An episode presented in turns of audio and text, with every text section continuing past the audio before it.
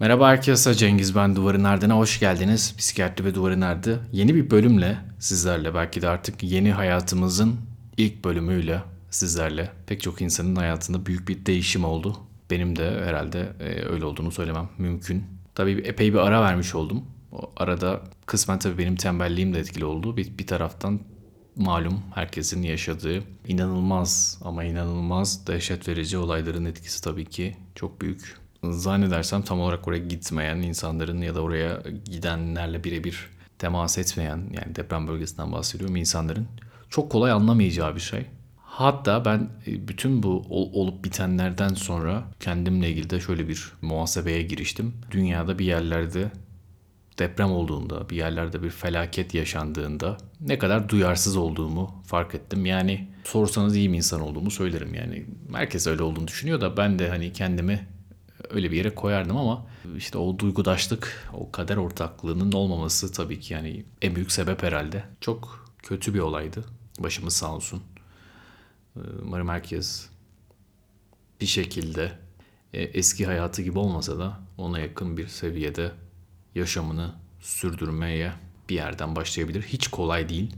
Sandığımdan da çok e, zor olacak. Böyle hayatın birkaç tane bileşenden oluşmadığını e, belki hatırlamış olduk. Yani diyelim ki deprem oldu. Sonrasını konuşuyoruz. İşte sağlık, altyapı, ulaşım, barınma, eğitim, beslenme yani bunların her biri başlı başına büyük bir organizasyon gerektiriyor. Ve yani evet insanların belki karnı doyuyor yani kimse açlıktan ölmüyor şu anda. Ee, belki işte bir yerlerde üşümüyorlar da ki ona çok emin değilim. Ama hayatta pek çok şey var. Onların da icabına bakılması gerekiyor. Kendi ailemden de yola çıkarak bunları söylüyorum. İşte bir eğitim, bir iş hayatı var ve insanlar halen tehlikenin geçmediği bölgelere dönmek zorunda kaldılar. Hayat bir şekilde kendi ritmini yeniden yaratmaya çalışıyor. Ee, bizler ne kadar bunun dışında kalabiliriz hiç emin değilim. Yeniden bir hayata başlıyoruz. Yeniden ve yeniden bir hayata başlarken olan enkazları yani bu hem zihnimizde hem sokaklarda hem köylerde yani onları bir, bir yerlere kaldırmak gerekiyor. Aslında yeniden bir hayata sıfırdan bile başlamıyoruz. Hatta eksi bir noktadan başlıyoruz. Hiç kolay olmayacak. Yani birkaç sene, 5-10 sene, 20 sene bile değil yani. Bu, bu çok çok uzun sürecek bir yolculuk. Ama herhalde yılmamak gerekiyor. Bir, bir taraftan tabii yaz tutuyoruz. İnsanlar e, şehirlerini belki bir daha dönmemek üzere terk ettiler. Bazı şehirler yok oldu. Bu bilmiyorum belki romantik bir bakış. Evet yani önemli olan insan hayatı. Ama kentler de şehirler de aslında o insanın bir parçası ve onların varlığı, onların bir şekilde varlığını sürdürmesi de insan yaşamı kadar belki de önemli. Pek çok görüntü var hafızalara kazanan, hiç unutamayacağımız. Onlar herhalde bir, bir, bir vakit tekrar belki bizim jenerasyonumuzun görebileceği bir şekilde değil ama belki 100-200 yıl sonra burada böyle insanlar yaşamışlar denilecek bir noktada umarım tekrar varlıklarını göstereceklerdir. Bizler de o tarihin bir parçası olarak an- anılacağızdır muhtemelen. Evet nereden başlamak gerekiyor? Çok kolay değil. Yani bir hastanızı gördüğünüzde de kolay değil. Ee, bir, bir arkadaşınızla ilk konuştuğunuzda da kolay değil. Yani belki çok samimi bir arkadaşınızsa tabii bütün süreci beraber geçirmişsinizdir ama biraz böyle e, mesafeli olan birisiyle ilk diyaloğa başlamak e, pek kolay değil. Yani sürekli bu konu üzerinden bir, bir başlangıç yapmak gerekiyor. Çok da normal hani e, bir şey demiyorum ama ne yapmak gerek? Benim de çok kafam karışık. Yani yaralar var sarılması gerekiyor e, ama bu yarayı açanlar var. Bir türlü uzaklaştıramadığımız, uzaklaştıramadığımız gibi yaranın belki de kronikleşmesine e, sebep oluyorlar. İyileşmeyi belki bozuyorlar. Bazı yaralar vardır. Hani açık iyileşir, açık bırakır cerrahlar e, kendi kendine iyileşsin diye. Bazılarına müdahale ederler. O tabi cerrahın e, işte o yaraya, yaranın olduğu dokuya göre verdiği bir karar. Ama burada bir cerrahın titizliğini görmüyoruz.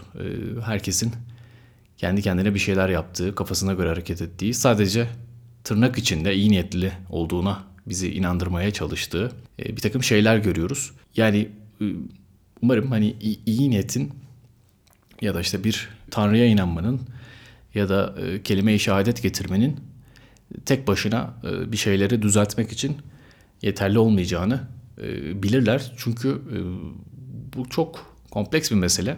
Bu kadar karmaşık bir meseleyi böyle bir zeminin üzerinden yeniden oluşturmak en başında tekrar o depremlerin belki de en birinci sebebine bizi götürecek. İşte o sağlam olmayan zeminlerin üzerine bir şeyler inşa etmek ve e, ne kadar üzerine sağlam bir yapı kurarsanız kurun da o zeminin azizliğine her an uğrama ihtimali. Biz zeminimizi e, iyi niyete ya da Müslüman olmaya bağlamadan bilime belki de bağlayarak bütün zihnimizin işte bütün işte yeni kurgularımızı daha sağlam zeminlere taşımalıyız.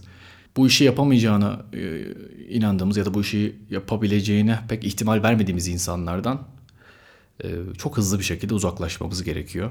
Ama evet bazı şeyler var, problemler var. İnsanlar e, bir, bir noktada bir tercih yapmaları gerekiyor. Yani sokakta kalmak ve meseleleri kendi başına çözmek ya da e, bir takım vasıfsız insanların en azından bir şeyleri düzeltebileceğine ihtimal vermek gibi. Kimseye de kızmıyorum açıkçası bu ihtimali verdikleri için. Çünkü gerçekten olağanüstü bir şeydi. Yani böyle dışarıdan tam olarak bir şeyleri yaşamamış bir yerden hani doğruyu yanlış ayırt etmek çok kolay değil. Bu süreç kendi başına doğruları yanlışları da getirmiş olabilir. Pek çok şey zaman içinde e, anlamını yitirebilir, yeniden anlam kazanabilir. E, çok dinamik bir süreç. Halen belki de çok çok başındayız olup bitenin. Ama umarım bir biraz daha anlayacağımız bir noktaya gelir ki gerçekten doğru adımlar atmakla ilgili daha başarılı ol- olmamız mümkün olur. Bütün tabii yaşadıklarımız e, bazıları ortak, bazıları çok kendine has ruhsal belirtiler olarak da söyleyebiliriz. Yani herkes aynı şekilde deneyimlemiyor ama bazı şeylerde çok ortak. Bir belirsizlik var, kaygı var, e, sorular var. Ne zaman?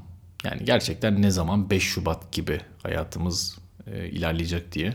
Bilmiyorum mesela bu 17 Ağustos depreminden sonra 99'da ne zaman insanlar 16 Ağustos gibi yaşamaya başladılar. Bir noktada muhtemelen başladılar ama hiç 16 Ağustos gibi başlamayan insanlar da olduğunu bizzat biliyorum.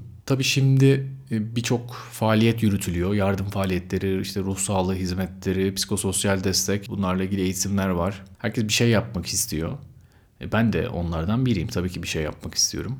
Ama gerçekten e, ne kadar yaptığımız şeyler doğru, ne kadar işe yarayacak çok bilmiyorum. Yani tam böyle artık evet bu aşamaya geçebiliriz dediğimiz bir yer oluyor. Sonra bir bakıyoruz gerçekten halen duş alamayan insanlar var, tuvalete gidemeyen insanlar var, çadırı olmayan insanlar var ki çadırda yaşamak sanki böyle büyük bir lütufmuş gibi söylüyoruz. Yani çok e, hadsizce geliyor bir taraftan. Yani e, insanlar çadırlarda yaşamakla ilgili ne kadar hazırlıklılar yani psikolojik açıdan.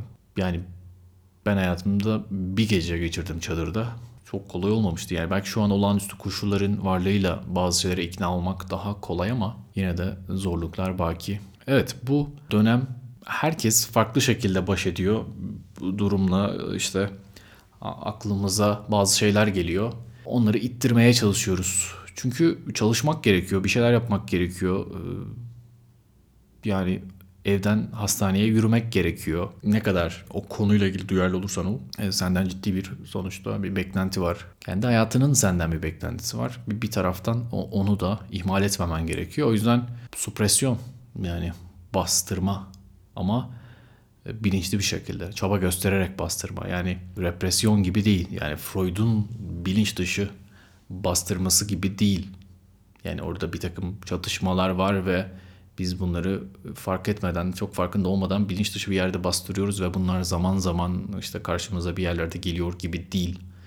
Baya baya supresyon, aktif bir şekilde bastırma, çaba gösterme bunun için. Yani bu olayları unutmak, önemsememek için değil, hayatı bir noktada yaşayabilmek için karşıdan karşıya geçerken önce sağa, sonra sola, sonra tekrar sağa ya da tam tersi her neyse onu yapabilmek için gerekli bir şey. Ama çok yorucu da bir şey. Çünkü yani sürekli bunu e, bir noktada geri itmek, gelmesi, it, itmesi. Tam yani tesadüf tabii ama işte tam podcast'ı kaydedeceğim bir arkadaşım bir fotoğraf atmış. İşte kendi çektiği Antep Kalesi'nden bir fotoğraf atmış akşamın bir saatinde. Ne yapıyorsa da orada e, herhalde merak etmiş durumunu. Çok böyle sembolik yerler yani öyle bir yerin yıkılması. 2500 yıllık bir yerin yıkılması tabii önemli. Tabii bir tedirginlik var. Mesela ne yapabiliriz diye düşünüyoruz. Ben mesela tabii burada söyleyeceğim şimdi başıma iş gelir ama çalıştığım hastaneyle ilgili örneğin.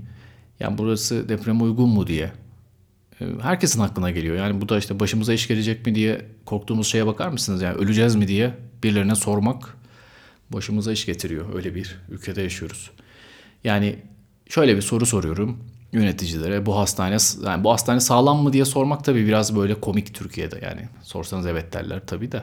Bakın başıma gelen şeye. Sürekli yeni bir e, oda yapılıyor hastanenin kat, katlarına bir yerlerine ve sürekli yani hani böyle artık koridor diye bir şey kalmadı. Yani koridor diye e, çıktığımız şey sadece asansör kapısının açıldığı bir aralığa dönüştü artık. Her yer poliklinik olmaya başladı. Her yer ama yani. Neyse hani insanlar sağlık hizmeti alsın bir şey demiyoruz. Peki gerçekten bunlar buna göre mi inşa edildi? Yani bu projeler çizilirken, bu hastane yapılırken bu kadar poliklinik ihtiyacı vardıysa zaten öyle yapılsaydı bu ihtiyaç sonradan oluştuysa da bunu ya ek bina ile yapın, yeni bina yapın ya da yeni bir hastane yapın oraya taşınalım. Ama yok yani o illa o boşlukları doldurdular ve e, sorunca da bugün şöyle bir cevap duydum.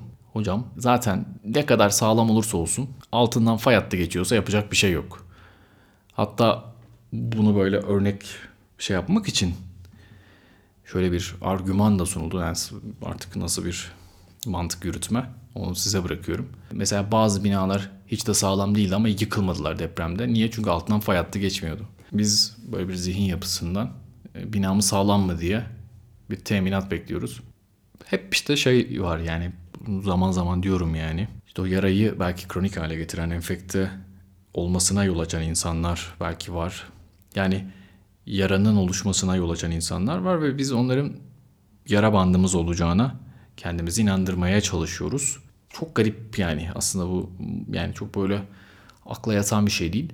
Ama yani işte bir, bir taraftan Lütfü Savaş gibi insanlar da var. Yani bu hiç kimse de kendini şey yapmasın, sütten çıkmış ak kaşık sanmasın.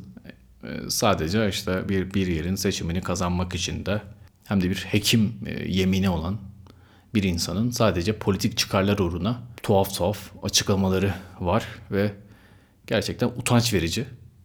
Böyle insanlar halen bir koltukta oturmanın konforuyla yani ondan vazgeçememekle ilgili büyük bir çaba sarf ediyorlar. Evet yani hiç kolay değil. Yani bir koltuktan vazgeçmek hiç kolay değil. Hele hele böyle ben şimdi düşününce yani eşiniz dostunuz yani sosyal kapitaliniz sınırlı ise açlıktan ve soğuktan donmakla tehdit edildiğiniz bir ortamda bir insanın koltuğundan vazgeçmesini bekliyorsunuz. Yani hem de böyle bir kültürün, böyle bir geleneğin olmadığı bir ülkede.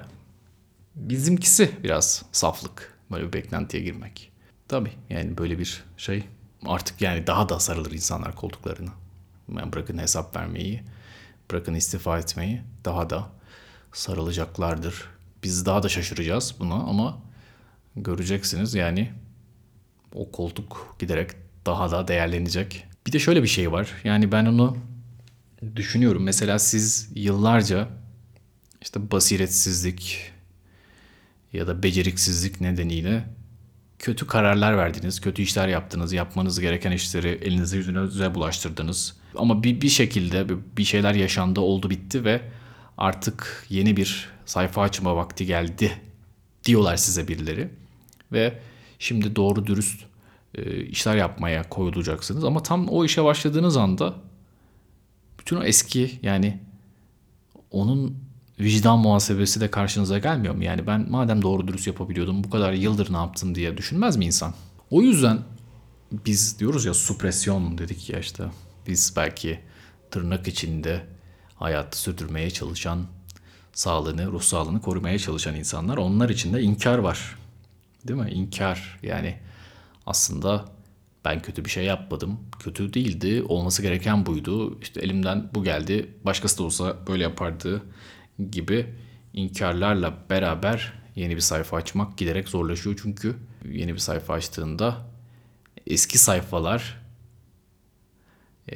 onlarla ilgili yaptığı şeyler karşısına gelecek. Bir yerde gelecek. Bu insanlar da böyle herhalde. Yani bugün artık hani bundan sonra düzel demenin pek bir manası varmış gibi gelmiyor bana. Bundan sonra düzelecek insan eskisini berbat ettiğini de kabul etmesi gereken insan olur. Bizim kültürümüzde çok beklediğimiz bir şey olmasa gerek. Peki e, biraz karışık konuştum. Aklıma gelenler bunlardı. Umarım kalanlar için her şey daha iyi olacaktır. Kendinize iyi bakın. Hoşçakalın.